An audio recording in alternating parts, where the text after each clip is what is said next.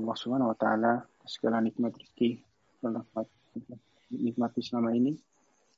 Salawat serta salam semoga tercurah kepada Rasulullah Sallallahu Alaihi Wasallam serta keluarga, sahabat, pengikut serta uh, pengikutnya yang istiqomah hingga akhir zaman. Sekolah kita semua termasuk ke dalam golongan yang demikian.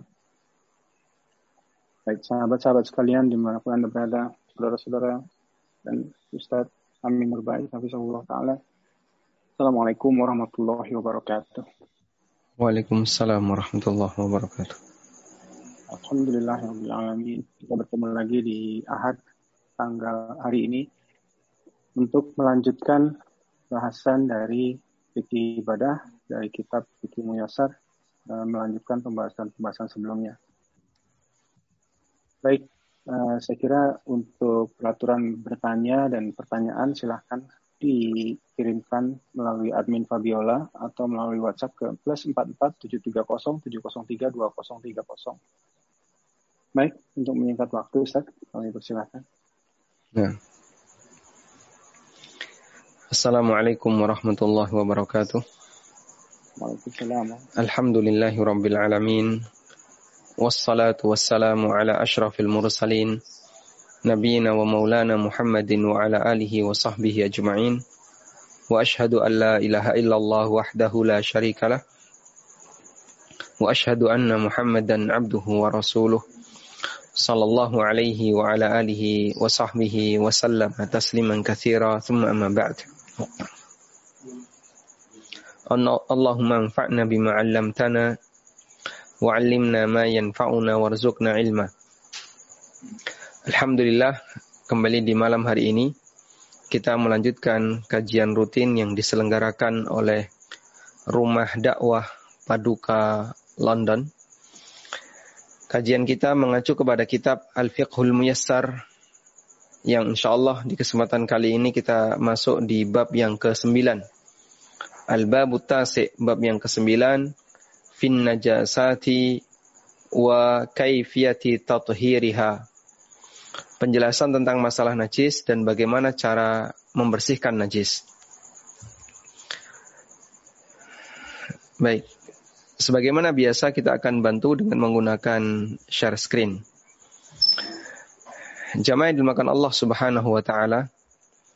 Penjelasan tentang najis.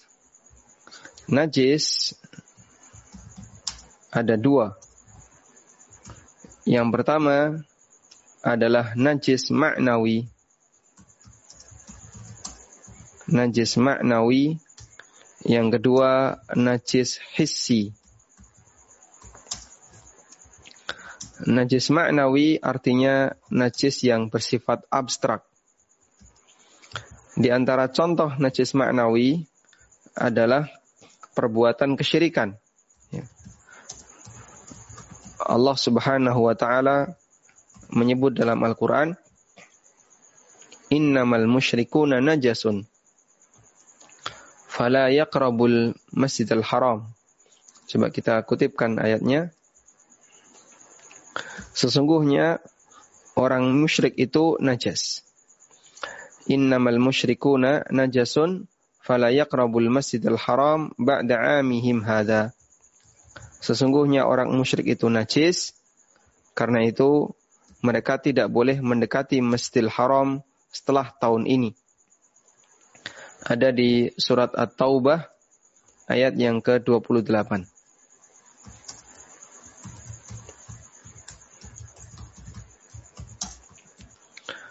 Allah Subhanahu wa taala menyebut orang musyrik sebagai manusia najis.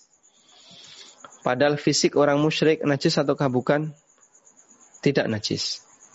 Apa buktinya bahwasanya fisik orang musyrik itu tidak najis? Buktinya adalah Islam membolehkan lelaki muslim untuk menikah dengan wanita ahli kitab. Sehingga jika wanita ahli kitab itu najis, maka ini bertentangan dengan bolehnya pernikahan antara lelaki muslim dengan wanita ahli kitab. Karena yang namanya pernikahan sudah barang tentu akan terjadi sentuhan, bahkan tidak hanya sentuhan, sampai melakukan hubungan badan. Padahal yang disebut sebagai benda najis adalah sesuatu yang tidak boleh disentuh secara syariat. Sesuatu yang tidak boleh disentuh secara syariat. Sehingga kalau ada orang yang menyentuhnya, maka dia harus membersihkannya. Demikian pula Allah Subhanahu wa taala menyebut perbuatan yang terlarang di antaranya adalah judi, kemudian azlam dan yang lainnya. Allah Subhanahu wa taala menyebut sebagai perbuatan najis. Allah taala berfirman, "Ya ayyuhalladzina amanu innamal khamru wal maisiru wal ansab wal azlam rijsun min amali syaitan fajtanibuhu la'allakum tuflihun." Ada di surat Al-Maidah ayat yang ke-90.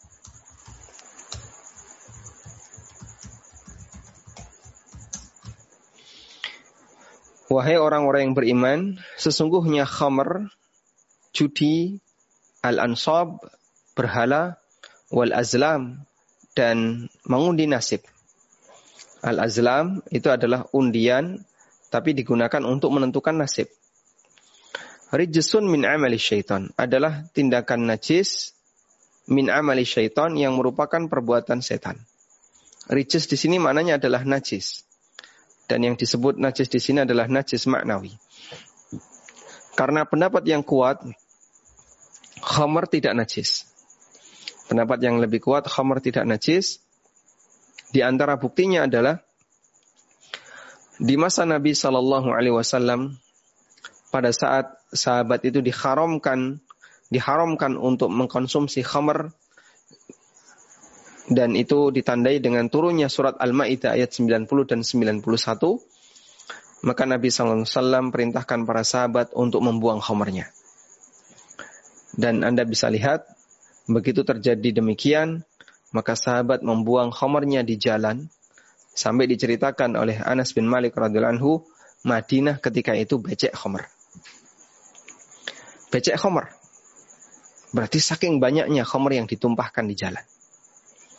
Anda bisa bayangkan ketika uh, baru saja turun hujan, kemudian jalanan masih becek. Kalau sekarang jalanan ada konblok, ada aspal, begitu selesai hujan kering. Kalau dulu tanah, sehingga ketika kena air, dia meresap uh, kadang tertunda terlebih dahulu, sehingga ada beceknya. Andaikan itu sesuatu yang najis, tentu akan disikapi sebagaimana air kencing yang tidak boleh dibuang di jalan. Nabi Shallallahu Alaihi Wasallam melarang keras orang buang air di jalan, kencing di jalan, eh, kemudian juga di tempat-tempat teduh yang biasa dipakai oleh orang untuk singgah. Ini khomer dibuang di jalan. Berarti itu bukti bahasanya khomer dalam hal ini tidak najis. Wal maisir judi. Apakah perlengkapan judi itu najis? Sehingga orang nyentuh kartu untuk permainan judi, maka dia harus cuci tangan? Jawabannya tidak. Demikian orang misalnya nyentuh dadu, apakah dia harus cuci tangan? Jawabannya tidak. Ya, karena benda-benda ini tidak najis. Wal ansob demikian pula berhala. Apakah kalau orang main ke Borobudur ya misalnya, lalu dia nggayuh berhala yang ada di tengah stupa, Apakah tangannya jadi najis? Jawabannya tidak. Wal azlam demikian pula alat untuk mengundi nasib. Sehingga mana rijis di sini adalah najis maknawi, najis abstrak, dalam arti dia adalah perbuatan yang tercela dalam syariat. Sehingga dari penjelasan ini kita bisa menyimpulkan bahwa najis maknawi adalah semua perbuatan yang berbeda-beda yang paling parah adalah perbuatan kesyirikan, kemudian ada bawahnya lagi dan seterusnya. Berikutnya adalah najis hissi.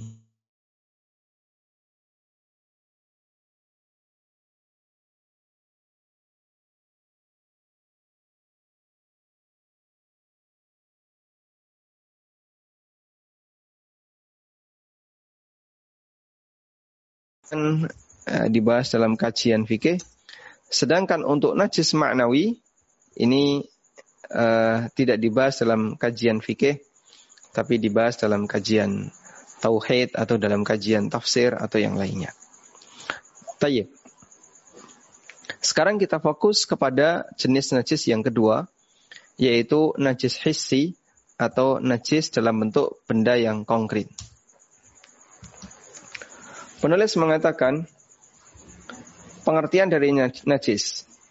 An-najasatu hiya kullu ainin mustaqdaratin amara syari'u bijtinabiha.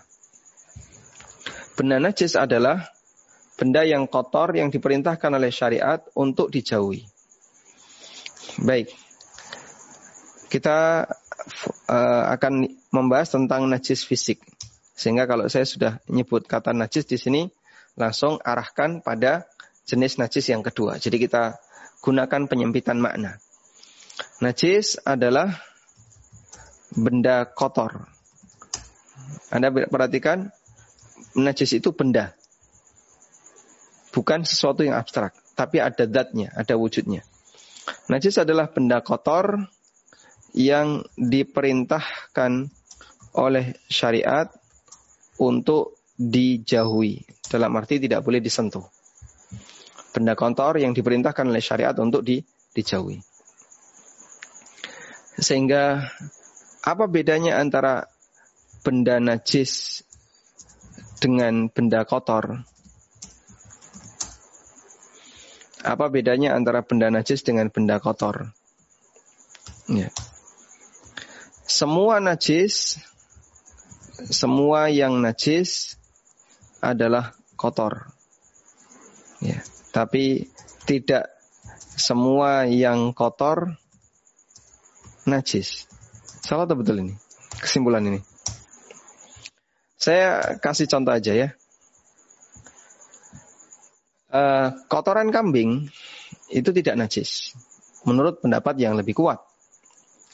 Dengan dalil Nabi Shallallahu Alaihi Wasallam sholat di kandang kambing sebelum beliau memiliki masjid Nabawi dan bahkan beliau perintahkan Sallu fi marabidil ghanam Salatlah kalian di kandang kambing. Yang itu menunjukkan bahwasanya kotoran kambing tidak najis. Sehingga ketika orang terkena kotoran kambing, maka dia tidak perlu mencuci badannya. Contoh yang lain.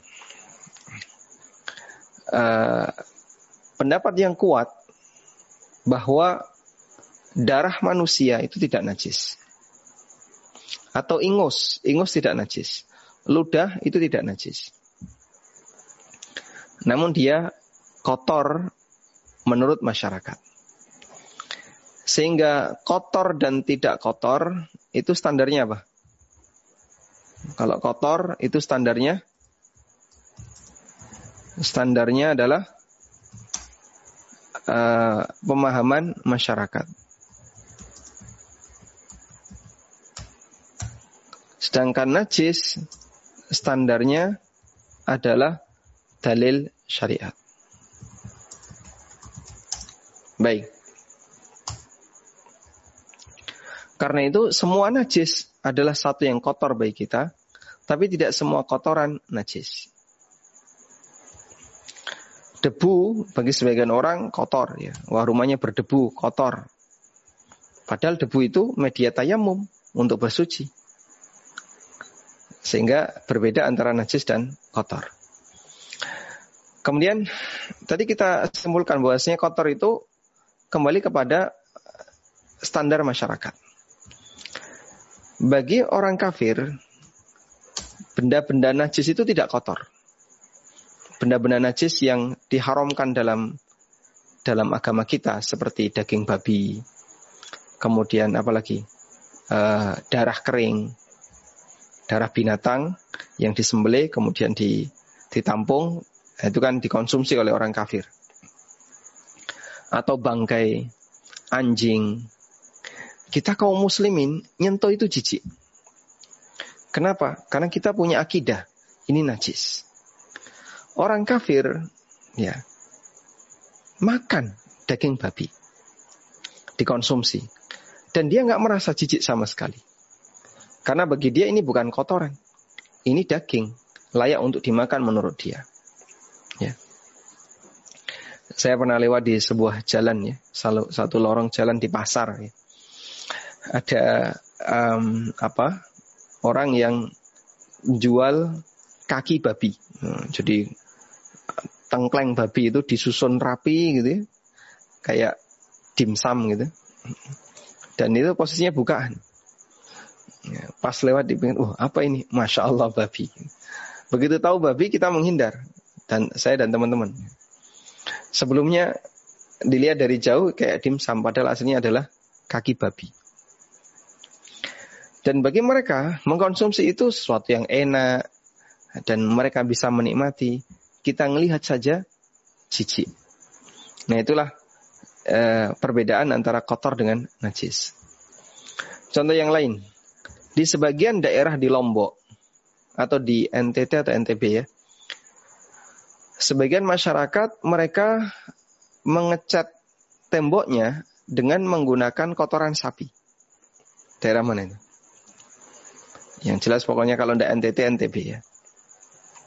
Jadi temboknya dicat pakai kotoran sapi. Nah, kita, wah ini kotor. Baunya nggak enak. Tapi bagi mereka itu hal yang biasa. Baik. Sehingga kita bisa eh, memahami perbedaan antara kotor dengan najis. Intinya ini ya, semua yang najis adalah kotor bagi muslim, tapi tidak semua yang kotor itu najis. Baik.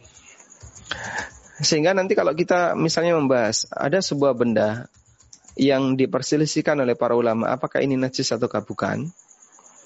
Kemudian kita menguatkan pendapat yang mengatakan tidak najis, Anda jangan beralasan itu kan kotor. Nah, tolong bedakan antara kotor dengan najis.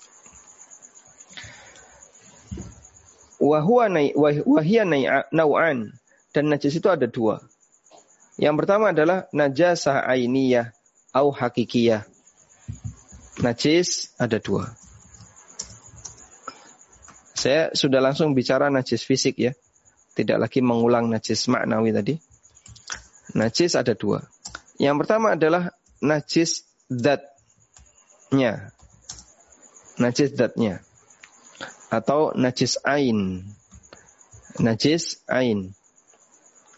Wahiyal lati la tutahharu bihalin li'anna ainaha najasatun ka rausil himar waddam wal baul. Itu adalah benda apa? Najis benda sumber najis kita aja. Benda sumber najis. Yang dimaksud dengan najis datnya atau najis ain adalah benda sumber najis. Sehingga dia tidak bisa dibersihkan dan tidak bisa dijadikan suci dengan cara apa pun. Tidak bisa dijadikan suci dengan cara apa pun. Contohnya apa Pak? Kotoran manusia. Contoh yang lain, ya kencing manusia kemudian uh, kotoran keledai. Dia tidak bisa dijadikan suci dengan cara apa pun. Kotoran keledai. Dulu Nabi Shallallahu Alaihi Wasallam ketika beliau hendak buang air besar, beliau meminta kepada Ibnu Mas'ud untuk mencarikan kerikil mau digunakan untuk istijmar. Kita paham makna istijmar ya. Istijmar adalah menggunakan uh, media selain air untuk bersuci setelah buang air. Kemudian Ibnu Mas'ud membawakan dua kerikil dan satu kotoran keledai kering. Kotoran keledai kering.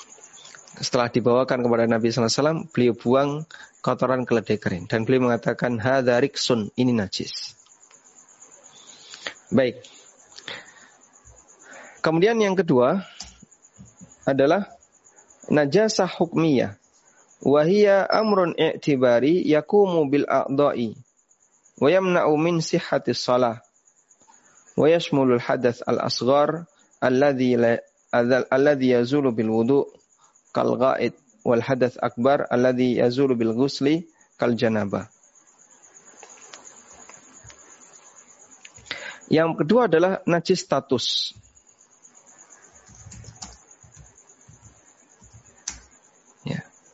Sehingga aslinya ini adalah benda suci, namun kemudian menjadi najis disebabkan karena dia terkena benda najis.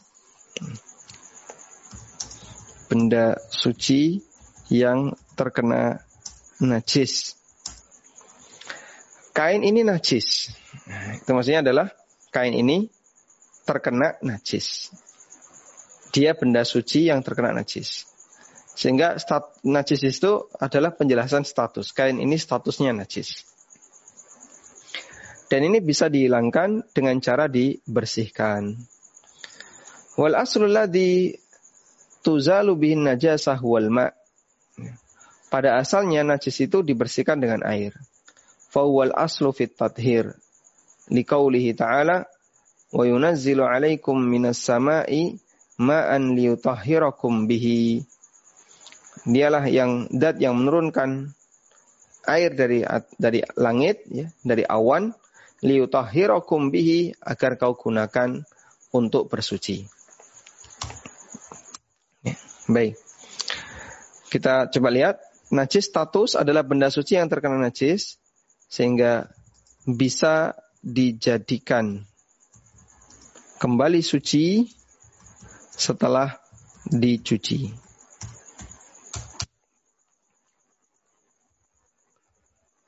Selanjutnya, hukum asal mencuci najis, hukum asal mencuci najis adalah menggunakan air. Hukum asal dalam mencuci najis adalah menggunakan air.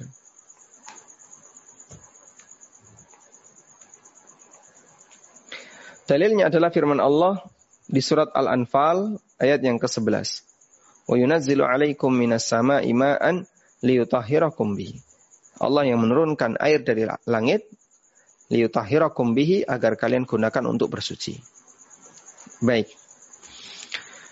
Sehingga uh, jika ada orang mau mensucikan najis, membersihkan najis dengan menggunakan media selain air, maka uh, harus berdasarkan dalil. Jika tidak ada dalil, maka hukum asalnya tidak berlaku untuk bisa membersihkan najis. Baik. Contoh kegiatan yang di mana kita boleh membersihkan najis dengan menggunakan media selain air adalah istijmar. Selesai buang air besar, kita diperbolehkan menggunakan media selain air untuk bersuci batu kerikil, tisu maupun yang lainnya. Selanjutnya, penulis akan menyebutkan tentang macam-macam najis. Najis ada tiga macam. Najis ain ini ya. Najis ain ada tiga macam. Pertama adalah najis mughalladah.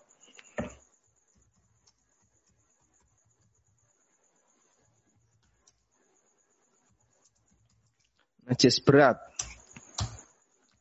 Yang kedua adalah najis mukhaffafah. Dan yang ketiga adalah najis mutawassithah. Najis mukhaffafah artinya najis ringan. Yang ketiga adalah najis mutawassithah. Najis normal, najis pertengahan. Baik. Adanya tiga penjelasan atau tiga macam ini kembali kepada masalah bagaimana cara membersihkan. Sehingga najis ain ada tiga macam atau tiga tingkatan. Itu dilihat dari bagaimana cara membersihkan. Yang pertama adalah najis berat, najis mughaladah. Dan penulis mengatakan wahia najasatul kalbi. Dan ini adalah najis anjing. Wama tawallada minhu dan turunannya. Kemudian najis ringan adalah baulul gulam alladzi lam ya'kul at-ta'am. kencing bayi yang belum yang belum mengkonsumsi makanan selain ASI atau kencing bayi yang konsumsinya dominan ASI yang konsumsi dominan ASI kemudian najis pertengahan adalah selain dua di atas karena ini kalau kita rinci nanti cukup banyak, makanya kita sebutkan selain dua di atas. Kemudian beliau beralih kepada eh, benda-benda najis. Yang pertama adalah air kencing manusia dan kotorannya serta muntahnya. Di sini disebutkan tiga ya, kencing manusia, kotoran manusia dan muntahnya. Ini adalah benda najis kecuali kencing bayi yang belum yang uh, yang konsumsinya dominan ASI. Fayaktafi birashihi. Ini termasuk najis tapi najis yang ringan. Berdasarkan hadis Ummu Qais bintu Mihsan, annaha atat bibnin laha saghirun annaha atat bibnin laha saghirin lam yakul at-ta'am ila Rasulillah sallallahu alaihi wasallam Fa'ajlasahu fi hijrihi fabala ala thawbihi fada'a bima'in fanadahahu walam yaghsilhu. Dari Ummu Qais bin bintu Mihsan, beliau bercerita, beliau pernah membawa putranya yang masih kecil, yang belum makan makanan, tapi masih asi, dibawa kepada Rasulullah Wasallam. Lalu dipangku oleh Nabi Wasallam. Kemudian bayi ini kencing di pangkuan Nabi Sallallahu Alaihi Wasallam. Ibu-ibu coba bayangkan, ibu membawa bayi, kemudian bayi itu digendong oleh Syekh Sudes. Kemudian ngencingi bajunya Syekh Sudes. Kira-kira Anda paniknya kayak apa? Panik sekali ya. Sahabiat ini paniknya luar biasa. Karena bayinya, karena bayinya kencing di pakaiannya Nabi Sallallahu Alaihi Wasallam. Itu Nabi. Nah, padahal contoh yang tadi kita sebutkan baru Imam Masjidil Haram. Yang tidak bisa kita bandingkan dengan Nabi. Tapi Nabi Shallallahu Alaihi Wasallam tetap, tenang dan beliau meminta dibawakan air. Fanadohahu walam yagsilhu. Dan beliau hanya menyiprati ya. Me, apa menutupi permukaan yang terkena kencing tadi dengan air walam yang silhu dan beliau tidak mencucinya maksudnya tidak mengguyurnya dengan air. Sehingga cuma diciprat-ciprati bagian yang kena kencing tadi kemudian beliau gunakan untuk aktivitas Wa amma baulul gulam alladhi ya'kulu ta'am wa kadha baulul jariyah fa innahu yughsalu ka baulil kabir. Sementara kencing bayi laki-laki yang sudah makan makanan, demikian pula kencing bayi wanita, maka dia dicuci sebagaimana kencing orang dewasa. Yang kedua adalah adam al-masfuh, darah yang mancar, minal hayawan al-ma'kul, dari binatang yang halal dimakan. Amad dam alladhi yabqa fil lahmi wal uruq. Sedangkan darah yang nyelip di daging atau di urat fa innahu tahir maka statusnya suci. Berdasarkan firman Allah taala audaman masfuhan di antara yang najis adalah darah yang memancar. Wa huwa alladhi yuhraqu wa yunsabbu yaitu darah yang keluar yang memancar. Yang ketiga adalah baulun wa rausu kulli hayawanin ghairi makulil lahmi kal hirri wal fa'ri. Kencing dan kotoran binatang yang tidak halal dimakan seperti kucing dan tikus.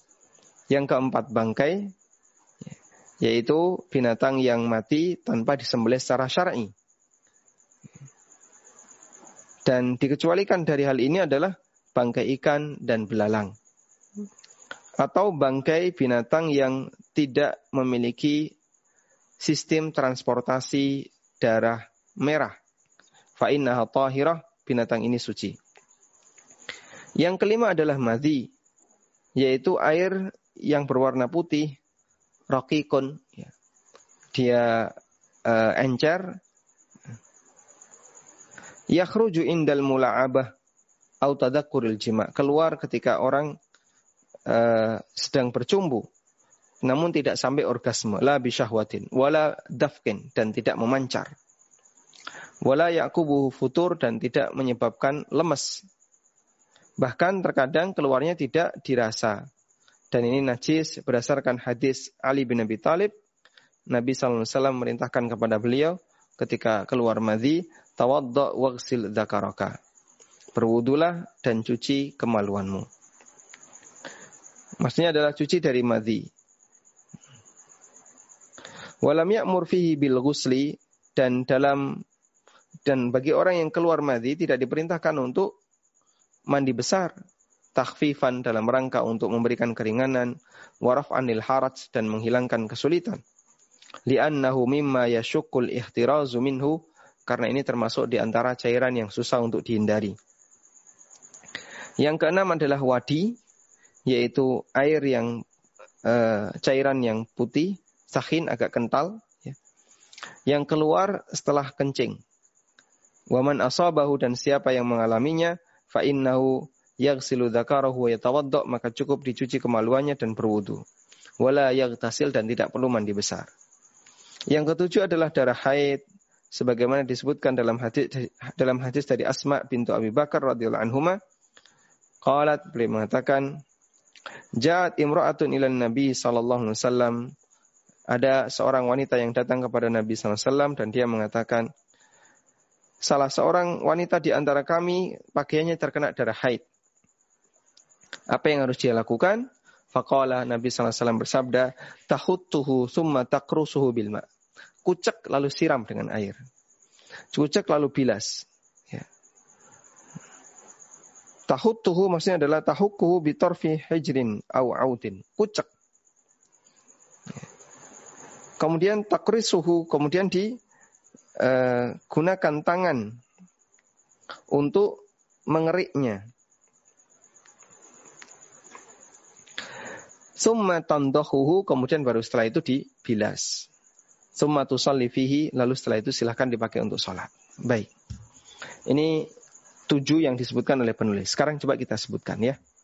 Kita berikan rincian. Alhamdulillah. Kita akan bahas uh, benda benda najis yang disebutkan dalam dalil. Ada kaidah. Hukum asal benda di bumi ini adalah suci. kecuali yang disebutkan dalam dalil bahwa itu najis. Baik. Karena itulah menghukumi najis berarti butuh apa? Dalil. Sehingga berdasarkan kaidah ini mengklaim bahwa suatu benda itu najis maka ini butuh dalil. Jika tidak bisa mendatangkan dalil, kembali kepada hukum asal, yaitu suci. Ini prinsip. Siapa yang mengatakan ini najis, maka itu butuh dalil. Jika dia tidak bisa mendatangkan dalil yang menunjukkan kalau itu najis, kembali kepada hukum asal yaitu suci. Baik. Sekarang benda-benda najis, najis yang disebutkan dalam dalil apa saja? Pertama adalah kencing manusia, kotoran, dan muntah. Wallahu taala alam di sini penulis menyebutkan bahwa di antara benda najis adalah muntahan. Di antara benda najis adalah muntahan.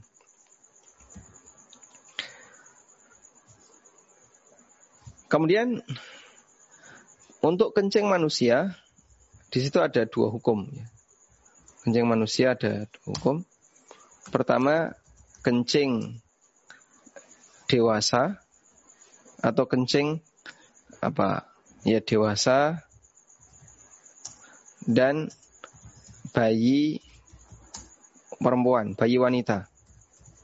Maka ini najis mutawasito. Ini najis mutawasito. Yang kedua, kencing bayi yang konsumsinya dominan ASI. Ini najis ringan, mukhaffafah. Hanya kencing yang ada rincian seperti ini. Kalau kotoran bayi sama sebagaimana kotoran orang dewasa. Ya, baik dia laki maupun perempuan. Tayyip. Nanti insya Allah akan ada pembahasan tentang bagaimana cara membersihkan najis. Kita bahas nanti ya. Sehingga kita tahu perbedaan antara mutawassitoh, najis pertengahan dengan najis ringan. Selanjutnya adalah adam al-masfuh darah yang memancar.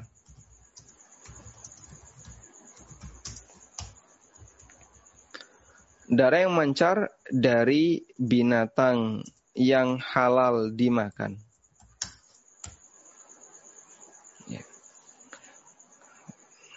Baik, darah binatang ada dua.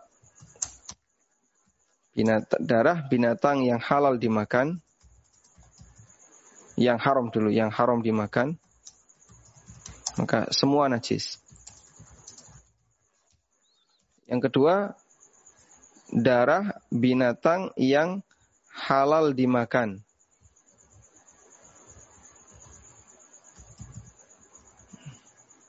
Ini ada dua macam. Pertama, yang memancar.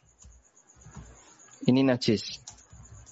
Kedua, yang nyelip di yang nyelip di urat atau otot atau paru atau yang nyelip di badannya gitu aja ya. Di badannya setelah disembelih.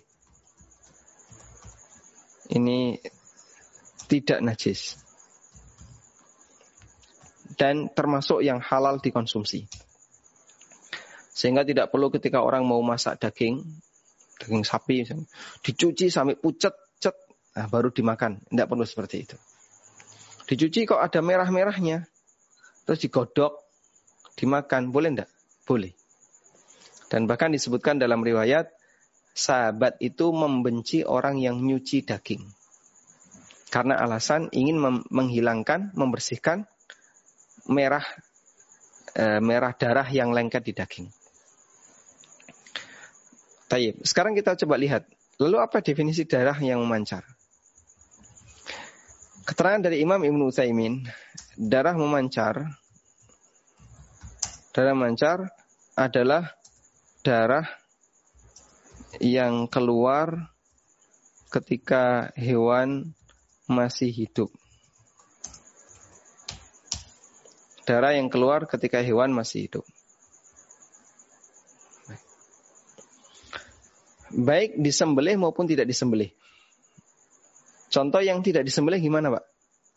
Dulu orang jahiliyah mereka ketika ingin mengkonsumsi darah itu ontanya dilukai, ditusuk, dipanah gitu, nah, keluar, keluar, uh, terus keluar darah di bagian pantat ya, di bagian paha belakang keluar darah ditadai, ditadai setelah sampai mampet nggak keluar diobati. Sehingga unta tetap hidup. Lalu darah ini dimakan oleh manusia. Itu dulu kebiasaan orang jahiliyah.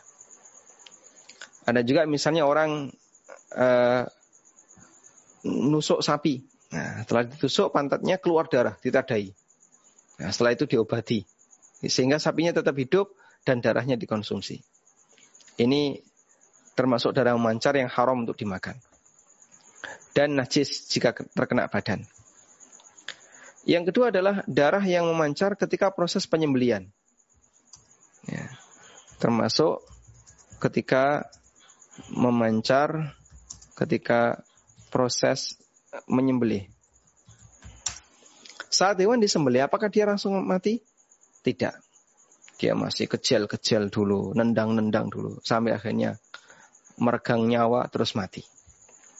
Sehingga butuh waktu sekian. Dan itu berbeda-beda antara satu binatang dengan binatang yang lain. Sapi itu bisa butuh waktu misalnya seperempat jam baru mati. Kalau kambing lebih cepat, lima menit sudah mati. Ayam lebih cepat lagi, sekian menit sudah mati. Yang paling lama bebek, oh bukan ya, mentok. Nah, mentok paling lama. Nah, ketika dia memancar saat proses penyembelian, sampai netes-netes, itu najis. Darah ini najis. Makanya ketika menyembelih hewan kurban, begitu disembelih terus muncrat darah, nah itu ketika kena badan tidak boleh dipakai untuk sholat. Itulah darah najis. Sementara darah yang berada dalam badannya, baik yang tersimpan di urat, di paru, termasuk bahkan di jantung. Ya. Karena ketika jantung itu dibelah, tetap ada gumpalan-gumpalan darah. Maka yang seperti ini tidak masalah untuk dikonsumsi. Karena yang Allah larang adalah audaman masfuha atau darah yang memancar. Selanjutnya, yang ketiga adalah kotoran binatang yang haram dimakan. Kotoran binatang yang haram dimakan ini najis. Kecuali kecuali kotoran hewan yang tidak memiliki sistem transportasi darah merah. Ya, contohnya misalnya serangga.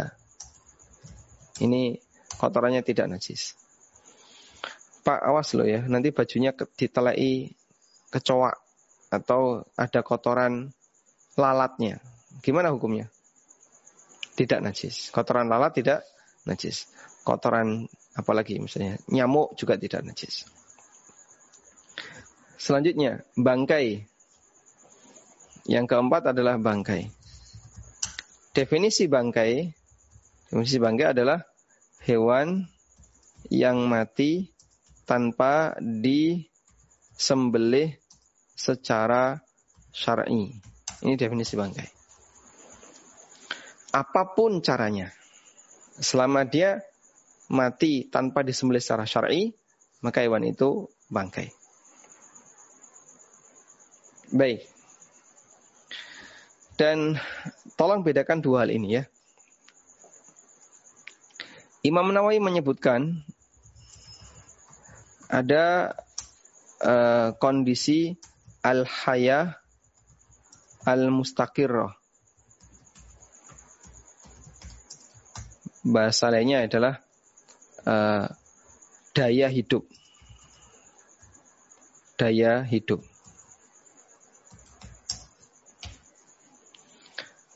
Maksud beliau begini. Hewan yang hendak disembelih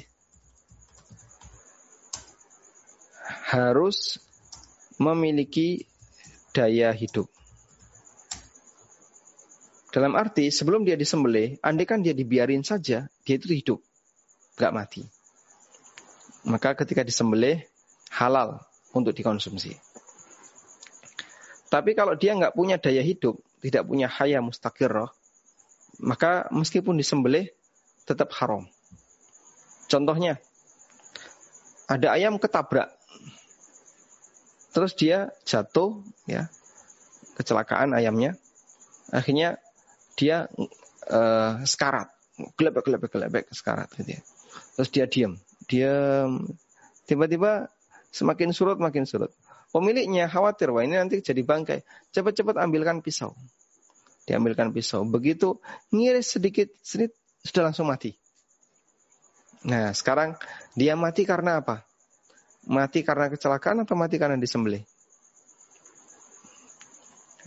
Kalau dia matinya karena kecelakaan haram untuk dikonsumsi meskipun tadi disembelih. Tapi kalau matinya karena disembelih halal. Nah, cara untuk niteni, untuk menentukan apakah itu mati karena kecelakaan atau disembelih adalah lihat daya hidup. Jika dia dibiarin, tidak disembelih, tetap bisa bertahan hidup, silahkan disembelih. Tapi kalau dia dibiarin, sebentar lagi mati ini. Paling semenit, dua menit lagi mati. Ya, percuma saja disembelih. Karena kalaupun disembelih, itu tidak menyebabkan perubahan status sebagai binatang yang halal untuk dikonsumsi.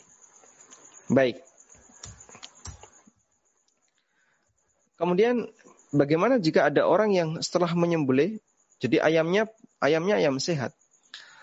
Kemudian setelah disembelih, lemparkan ke air panas. Atau dilemparkan ke box, ke gentong. Nah, kemudian di situ dia gak karuan, lompat-lompat. Nanti temennya yang kedua, disembelih kedua, dilemparkan lagi ke box. Numpuk yang pertama. Temannya ketiga lempar masuk situ numpuk ketiga. Numpuk numpuk numpuk numpuk saya penuh. Yang bawa mati. Lebih cepat. Mungkin karena faktor kegencat juga. Nah yang paling jelas itu adalah begitu selesai sembelih langsung lempar ke air panas. Halal atau tidak? Baik uh, ada penjelasan yang diberikan oleh para ulama untuk kasus yang kedua ini bahwa yang terjadi adalah mempercepat kematian. Mempercepat kematian.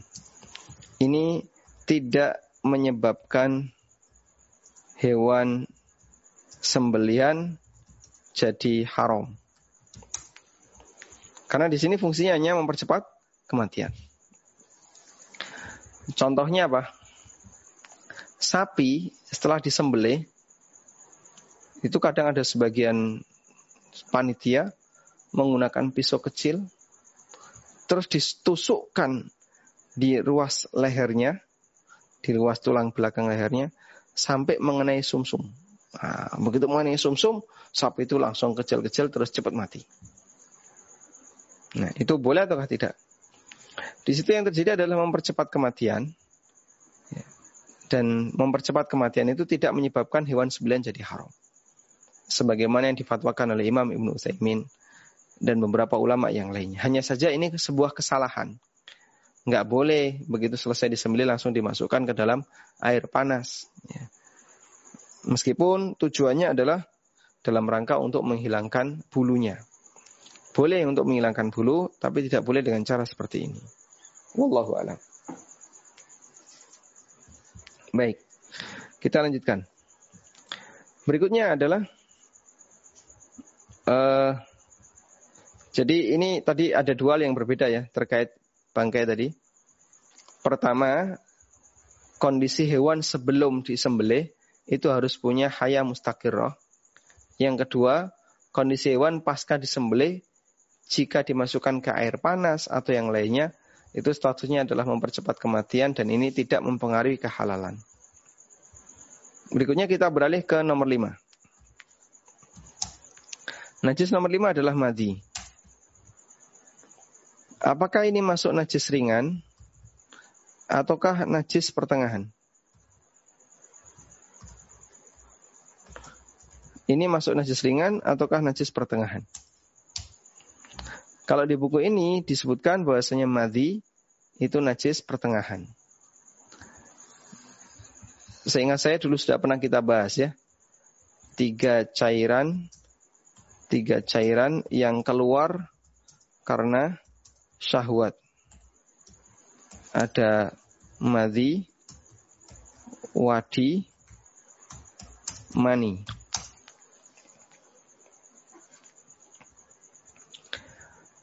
Ini semuanya karena syahwat. Tapi yang mencapai klimaks, ya, yang mencapai klimaks, ini mencapai orgasme, adalah mani. Sedangkan untuk wadi dan madhi ini tidak sampai orgasme. Sehingga belum sampai klimaks. Karena itu terkadang keluarnya madhi itu tidak terasa. Sedangkan kalau mani, Allah katakan, khuliqa mimma indafik. Manusia itu diciptakan dari ma'in dafik, air yang memancar.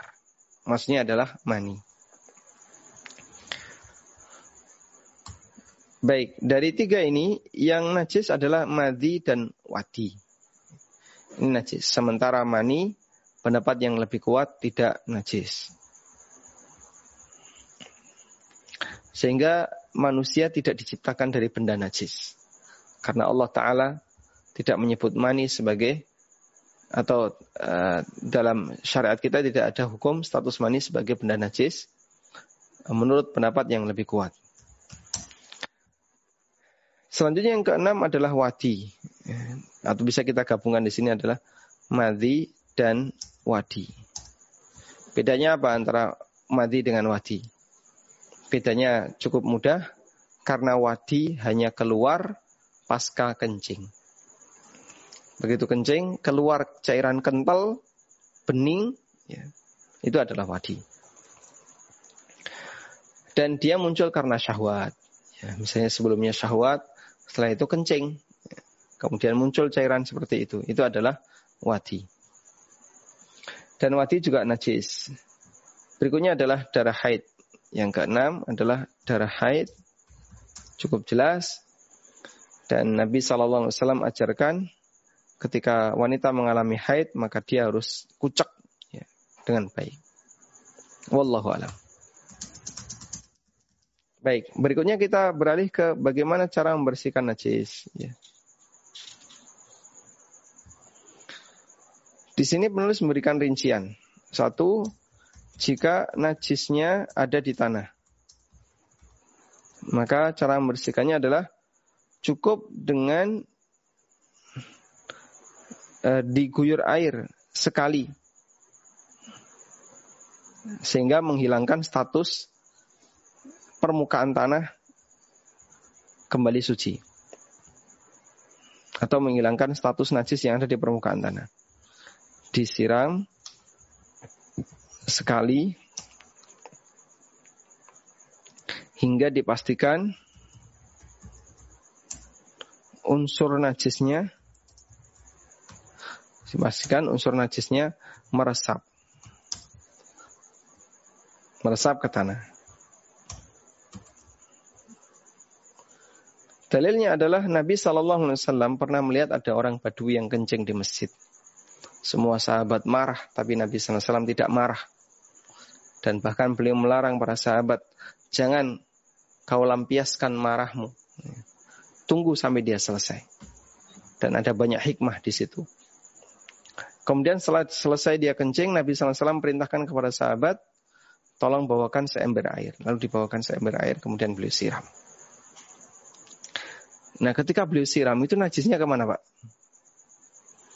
Apakah menguap? Atau di bawah itu ada gorong-gorong terus najisnya keikut gorong-gorong? Tidak. Najisnya ke mana? Turun ke bawah.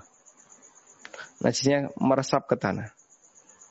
Nah ketika dia meresap ke tanah, permukaannya sudah dianggap suci. Meskipun di bawahnya ada najis. Nah ini saya pernah jadikan sebagai jawaban untuk kasus kasur kompolan. Nah. Kalau kasurnya kasur uh, busa atau terutama kapuk ya, biasanya kan berat dan tebal. Untuk kasur seperti ini, ya, kasur yang kompolan, wah ini kalau dicuci tidak mungkin, ya kapuk sebanyak itu dicuci kapas ya. Dulu kita kan banyak kan kasur menggunakan kapas. Wah ini tidak mungkin. Akhirnya kan gimana ketika tidak mungkin untuk dicuci? Ya biasanya orang cuma disiram bagian permukaan terus dijemur. Baik. Anda bisa gunakan prinsip ini ya. Kepentingan kita dari kasur itu bagian mana? Kapuknya atau permukaannya? Permukaan. Sudah? Berarti kalau dia kena air kencing, siram bagian permukaan sampai najis itu masuk ke dalam kasur. Sudah? Permukaan ini selanjutnya jadi suci. Cuman kalau dipakai tidur kan tidak nyaman ya.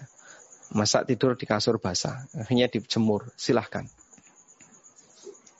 Tapi dat najisnya sudah tidak ada di permukaan, sehingga permukaan ketika kena badan tidak harus dicuci. Selanjutnya, yang kedua,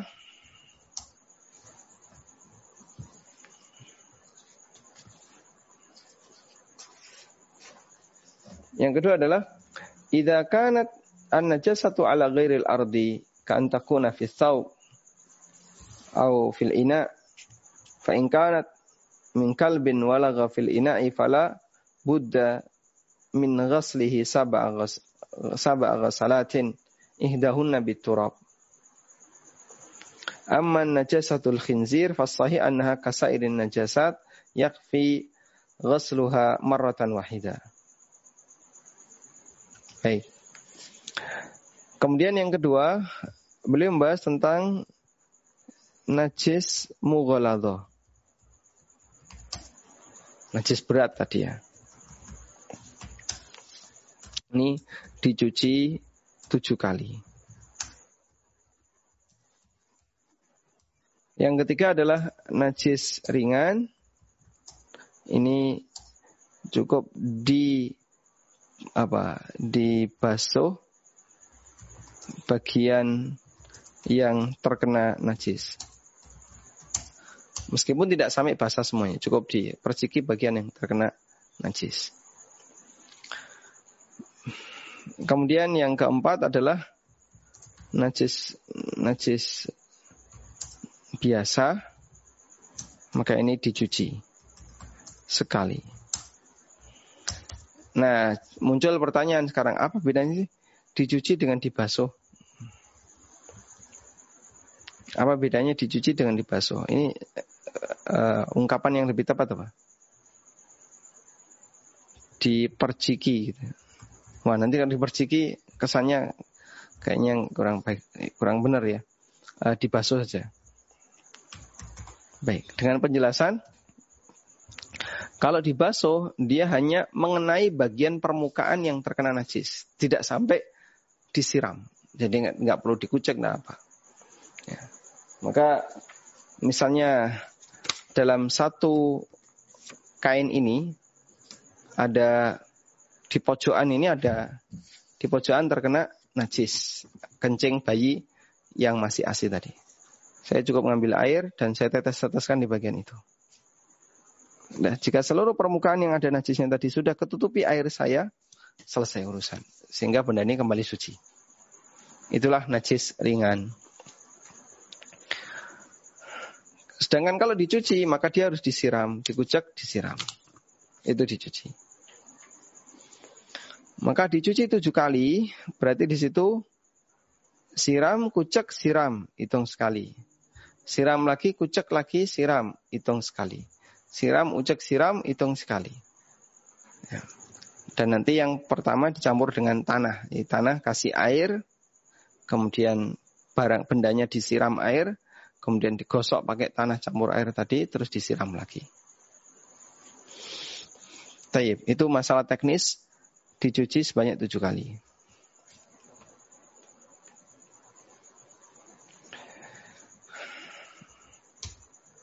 Kemudian beberapa contoh kasus yang lain yang disebutkan oleh penulis di sini adalah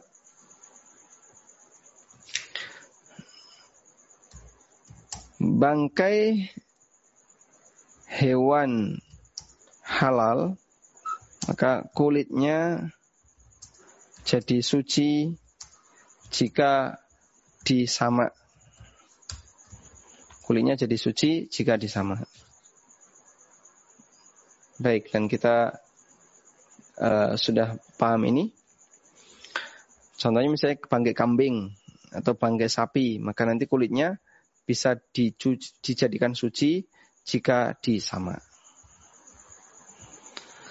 Nah, saya ingin membahas lebih detail tentang masalah najis mughaladhah. Najis berat.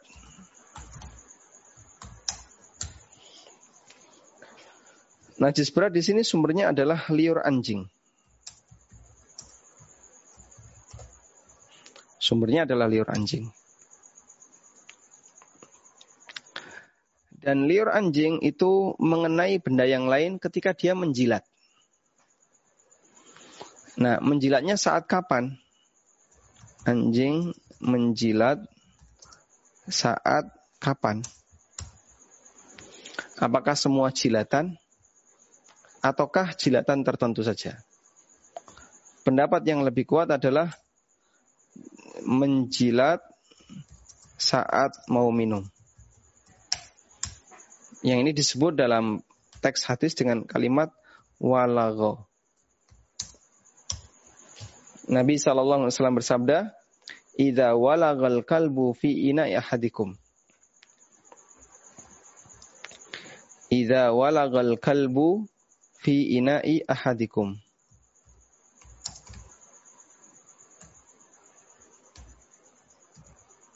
Coba kita lihat teks hadisnya. Hadisnya riwayat Bukhari Muslim ya. Apabila ada anjing yang walaga. Walaga artinya adalah minum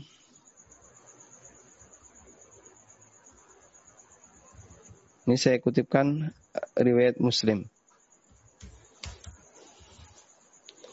Walago itu adalah menjilat untuk minum. Idza walagal kalbu fi ina ahadikum. Apabila anjing itu menjilati untuk minum di wadah kalian. Falyurik ha falyurik hu maka wadahnya harus dibuang. Summal yagsilhu air yang ada di wadah itu harus dibuang. Kemudian dia cuci sebanyak tujuh kali. Hadis ini termasuk di antara hadis yang oleh orang liberal dianggap bermasalah. Karena kenapa dicuci tujuh kali? Dan salah satunya menggunakan tanah. Kita sebagai orang yang beriman, jawabannya cukup mudah. Nabi SAW yang merintahkan seperti itu. Rasulullah SAW yang nyuruh. Sehingga saya melakukannya karena atas perintah Nabi Wasallam. Dan di sini menjilatnya adalah hanya saat mau minum, saat minum bukan saat mau minum ya, saat minum.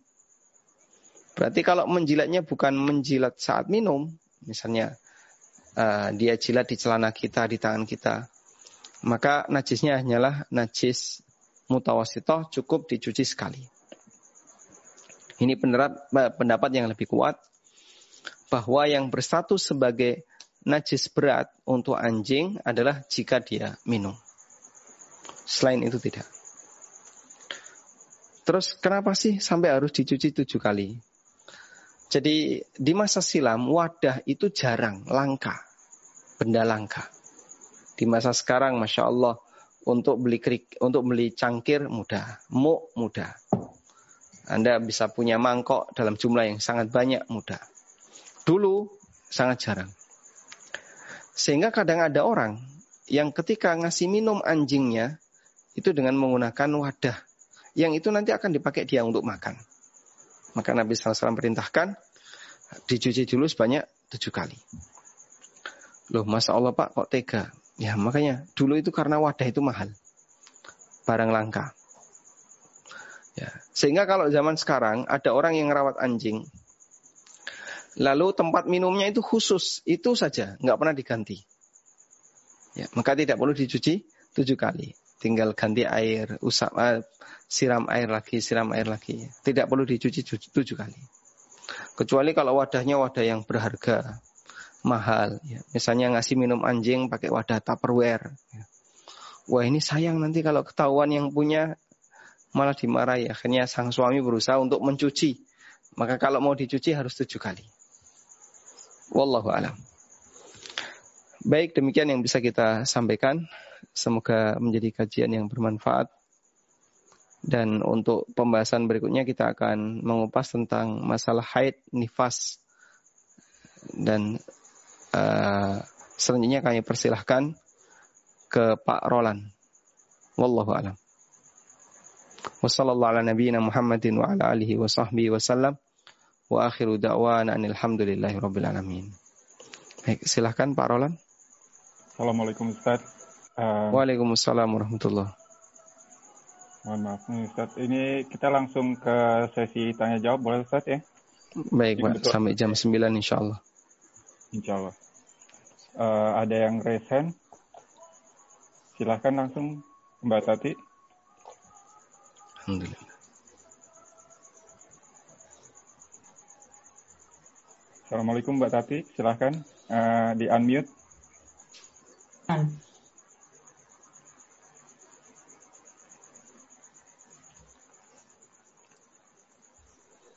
Oke, Bismillahirrahmanirrahim. Uh, Assalamualaikum. Bagaimana? Waalaikumsalam warahmatullahi Bagaimana Ustaz kalau rumah itu disuakan? Lah, yang nyewa itu punya anjing. Ya, ada banyak anjing. Anjing, kucing. Pokoknya anjing yang kita bicarakan di sini. Terus yeah. sesudah kita mendapatkan uh, flat atau rumah itu kembali, sebagai orang Islam mau suci gimana? Bagaimana caranya? Semua kan sudah kering. Enggak masa seluruh rumah harus diguyur eh, eh, eh, dan semua ada karpet ya eh, kan rumah di tempat dingin. Eh, cara penyelesaian untuk menjadi rumah itu eh, suci kembali atau tidak mengandung najis gimana? Terus yang nyewa yang baru orang Islam misalnya, oh, eh, bagaimana yang kita yang punya rumah harus laksanakan apa? Baik. Wa jazakumullah khairan. Ada keterangan yang disampaikan oleh Ibnu Umar radhiyallahu uh, beliau mengatakan coba saya carikan teks hadisnya ya.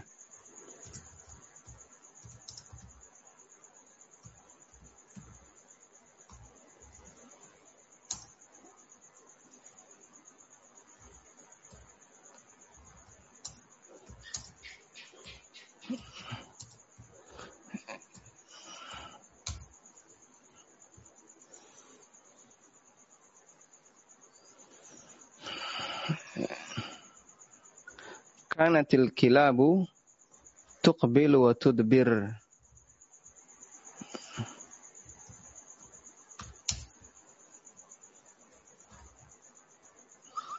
Baik. Anjing di masa Nabi Shallallahu Alaihi Wasallam itu keluar masuk masjid dari ya, Hamzah bin Abdullah dari ayahnya. Nah. Sebentar, saya cantumkan teks hadisnya.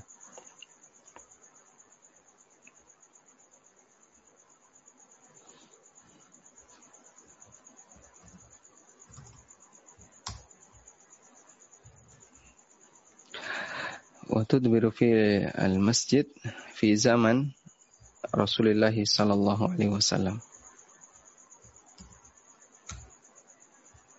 Nah, hadisnya riwayat Bukhari.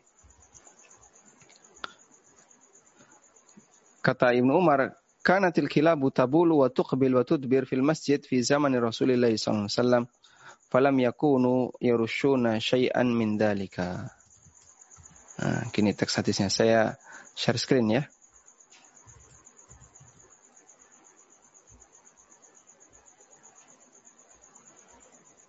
Dari Ibnu Umar.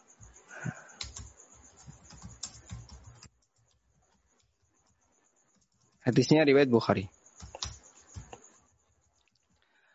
Kata Ibnu Umar, dulu ada banyak anjing yang kadang kencing keluar masuk di masjid di zaman Rasulullah SAW dan tidak ada yang menyiram dengan air sama sekali.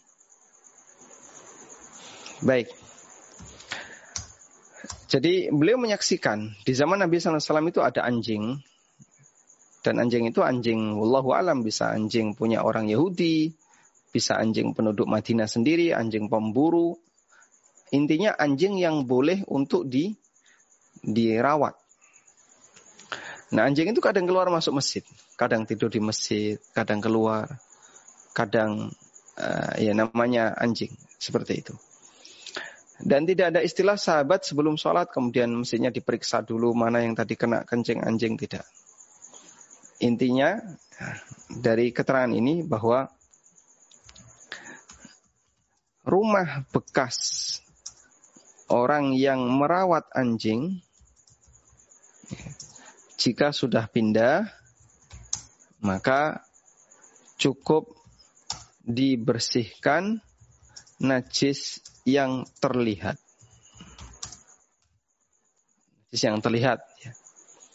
Ya. Misalnya terlihat, oh ini bekas jilatan, cuci.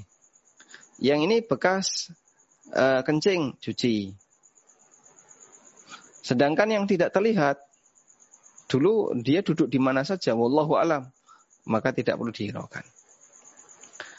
Karena sahabat ketika itu, mereka ketika sholat di Masjid Nabawi, eh, mereka tidak melihat ada bekas anjing, bekas najis anjing, maka mereka langsung pakai untuk sholat. Wallahu alam. Dan masjid di masa silam itu tidak seperti sekarang ya.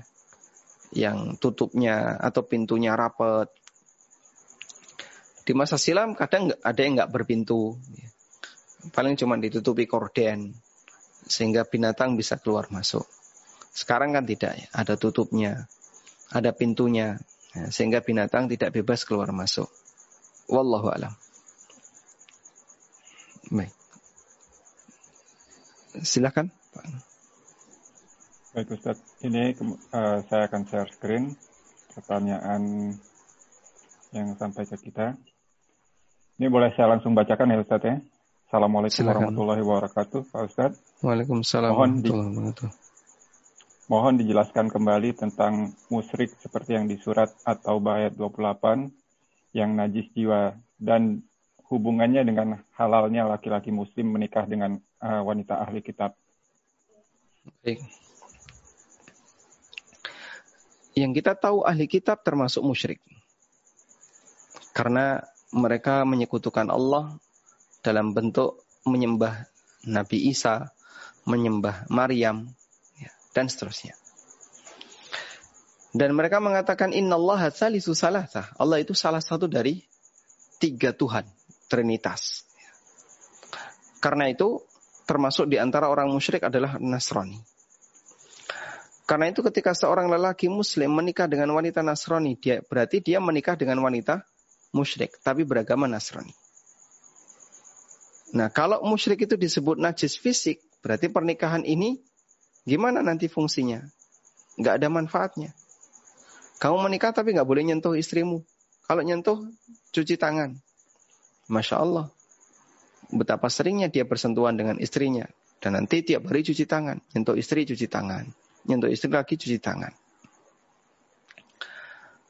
Akhirnya hikmah pernikahan itu hilang. Dan itu tidak mungkin. Diperbolehkan, tapi di saat yang sama status istri, eh, status fisik istrinya ternyata najis. Maka ketika suami mau nyentuh, nggak berani. Wah nanti saya setelah nyentuh harus cuci tangan. Nah, terus ngapain nikah kalau nggak boleh disentuh? Nah itu maksud saya kaitan antara uh, status orang musyrik sebagai orang najis, maksudnya adalah najis maknawi, dengan bolehnya lelaki muslim menikah dengan wanita ahli kitab. Sehingga orang musyrik itu tidak najis fisik, tapi najis batin. Wallahu alam. Kalau Ustaz. Untuk nah, pertanyaan berikutnya Bismillahirrahmanirrahim. Semoga Allah menjaga Ustadz beserta keluarga. Amin. Ketika sudah suci dari haid, misalnya suci di waktu Isya, apakah betul salat yang dikerjakan, salat Isya dan mengkodok salat maghrib? Mohon penjelasannya.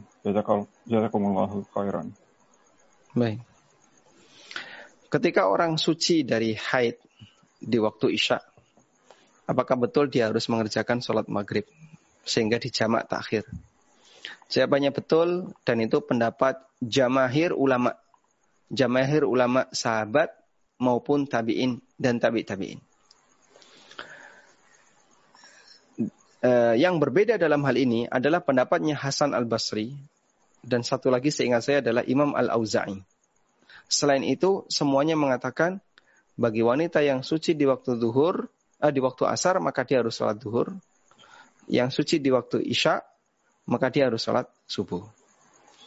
Sehingga eh, dia harus sholat maghrib. Sehingga siapa yang suci di waktu kedua dari sholat yang bisa dijamak, maka dia harus melakukan jamak takhir.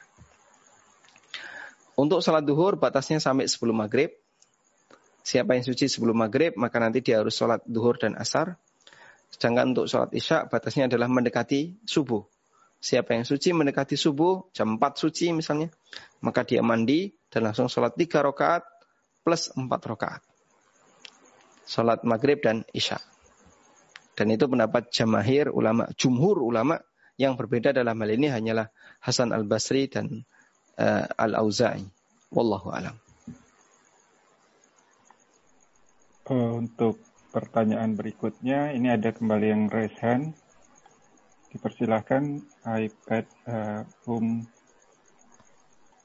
Adam.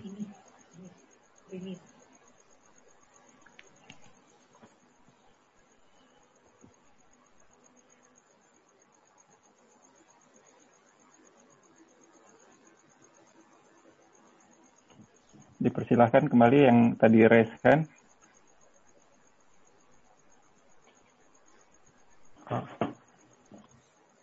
Mungkin kita lanjutkan ke pertanyaan yang sudah kita terima ya Ustaz ya. Silakan.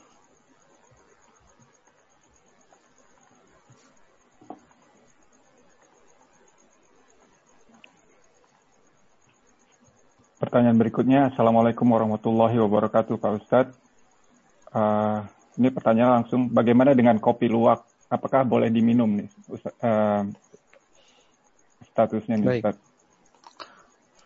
Waalaikumsalam warahmatullahi wabarakatuh. Apakah kopi luwak boleh diminum? Ada beberapa mukaddimah untuk bisa menjelaskan itu. Pertama adalah status kotoran luwak. Kotoran luwak itu najis atau tidak? Yang kedua, status kopi yang keluar dari tuburnya luwak. Apakah itu benda najis atau tidak? Untuk yang pertama, kotoran luwak apakah najis atau tidak? Kembali kepada kaidah. Kotoran binatang yang halal dimakan hukumnya suci. Sedangkan kotoran binatang yang haram dimakan hukumnya najis. Nah, luwak itu binatang yang halal atau haram dimakan?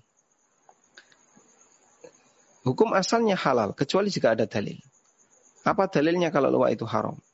Oh, dia bertaring. Baik Nabi Shallallahu Alaihi Wasallam bersabda, uh, di antara binatang yang haram dimakan adalah binatang yang buas yang memiliki taring. Kullu dina bin minas siba. Semua binatang yang punya taring yang buas. Sehingga ada dua kriteria binatang yang haram untuk dikonsumsi. Pertama dia bertaring, yang kedua dia buas buas itu artinya dia apa mengejar mangsa untuk dimakan. Mengejar mangsa uh, misalnya makhluk hidup ya untuk dimakan, misalnya kelinci atau burung untuk dimakan. Namun kalau dia makanannya adalah bukan bukan omnivora dan dia makanannya misalnya buah-buahan lalu dari situ keluar kotoran maka tidak masuk bagian dari binatang buas yang bertaring. Karena dia tidak buas. Betul dia bertaring tapi tidak buas. Sehingga dalam hal ini ketika dia hanya bertaring tapi tidak buas, maka tidak masuk kategori hewan yang haram untuk dikonsumsi. Satu. Kalau dia bukan termasuk hewan yang haram dikonsumsi, berarti kotorannya tidak najis. Pertimbangan yang kedua adalah kopi yang keluar dari dubur luwak dia ketika keluar itu utuh.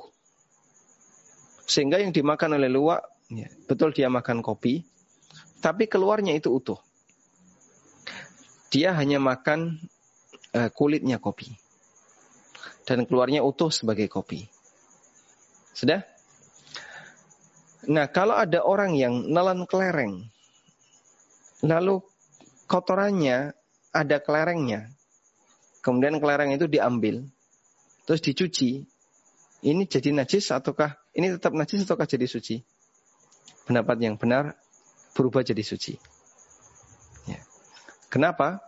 Karena dalam hal ini yang keluar adalah kelereng bukan kotoran. Betul dia bercampur dengan kotoran, tapi setelah kotorannya dibersihkan, jadilah kelereng utuh, maka kelereng ini statusnya suci dan tidak najis. Nah, sama halnya dengan kopi tadi. Ketika dia dibersihkan, dicuci, maka jadilah kopi utuh. Nah, selanjutnya kopi ini tidak najis. Nah, kalau sudah tidak najis, maka kembali kepada hukum asal bahwasanya benda yang halal dimakan adalah benda yang tidak najis. Wallahu alam. Jazakallah Ustaz. Ini sekarang sembilan sepertinya Baik. boleh dipersilahkan satu lagi penanya Ustaz. Ada kebetulan ada dua yang resen. Boleh satu lagi silahkan. Oke, okay, uh, eh, ini iPad uh, Van Um Adam yang dari Netherlands. Silahkan di unmute.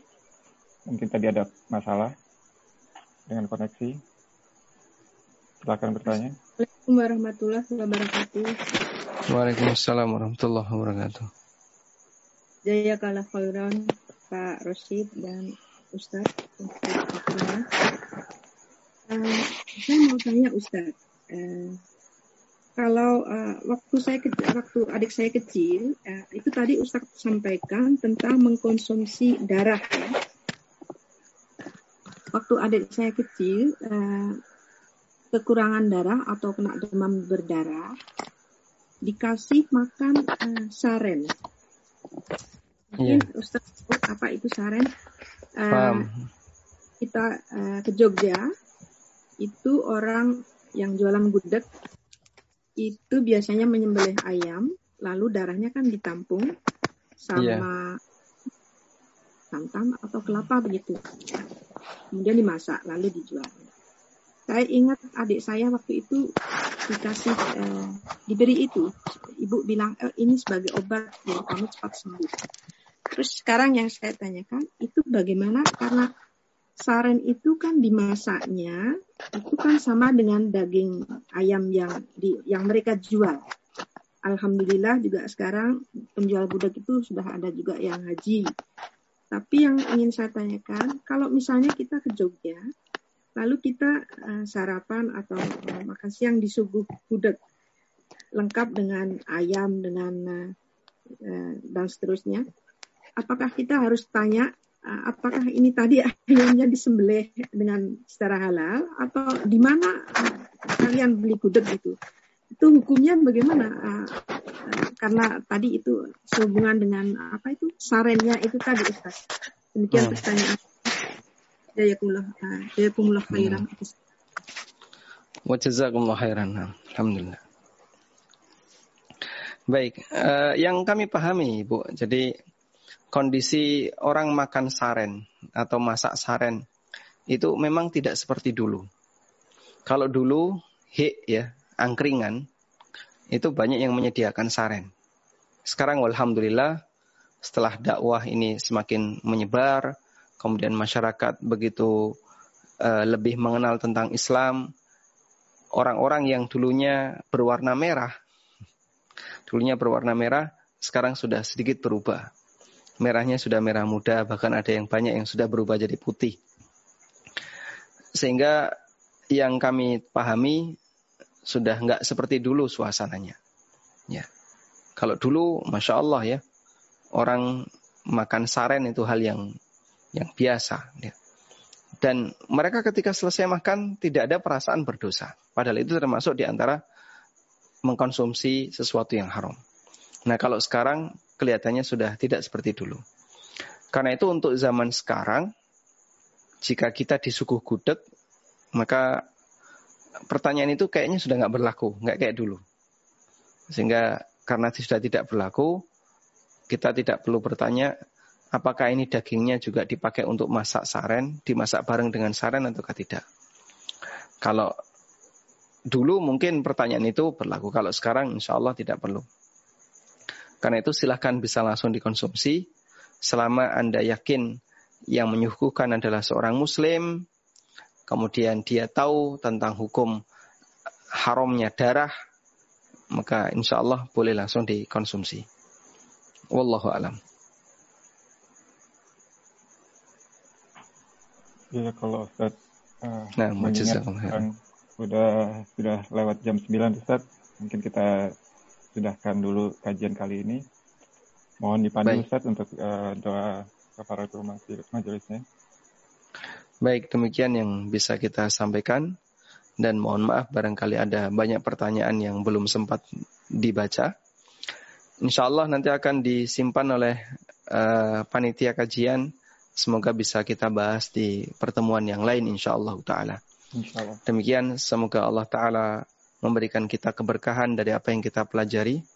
Wassallallahu ala nabiyyina Muhammadin wa ala alihi wa sahbihi wasallam. Wa akhiru da'wana alhamdulillahi rabbil alamin. Subhanakallahumma wa bihamdika asyhadu an la ilaha illa anta astaghfiruka wa atubu ilaik. Wassalamualaikum warahmatullahi wabarakatuh. Waalaikumsalam warahmatullahi wabarakatuh. Alhamdulillah Rabbil Alamin. Jazakallah khair Ustaz atas waktu dan sharing ilmunya. Semoga kajian kali ini ber bermanfaat bagi kita semua. Untuk menyimak kembali kajian kali ini dan kajian-kajian sebelumnya, uh, silahkan kunjungi YouTube uh, channel Paduka underscore UK. Dan uh, untuk pertanyaan-pertanyaan yang telah kami tampung kali ini, nanti insya Allah seperti yang Ustaz uh, bilang tadi, akan kami coba uh, teruskan di kajian-kajian berikutnya. Sekali lagi mohon maaf jika ada kekurangan dan kesalahan dari pihak kami. Barakallahu fikum wabillahi taufiq wal hidayah. Wassalamualaikum warahmatullahi wabarakatuh. Waalaikumsalam warahmatullahi wabarakatuh.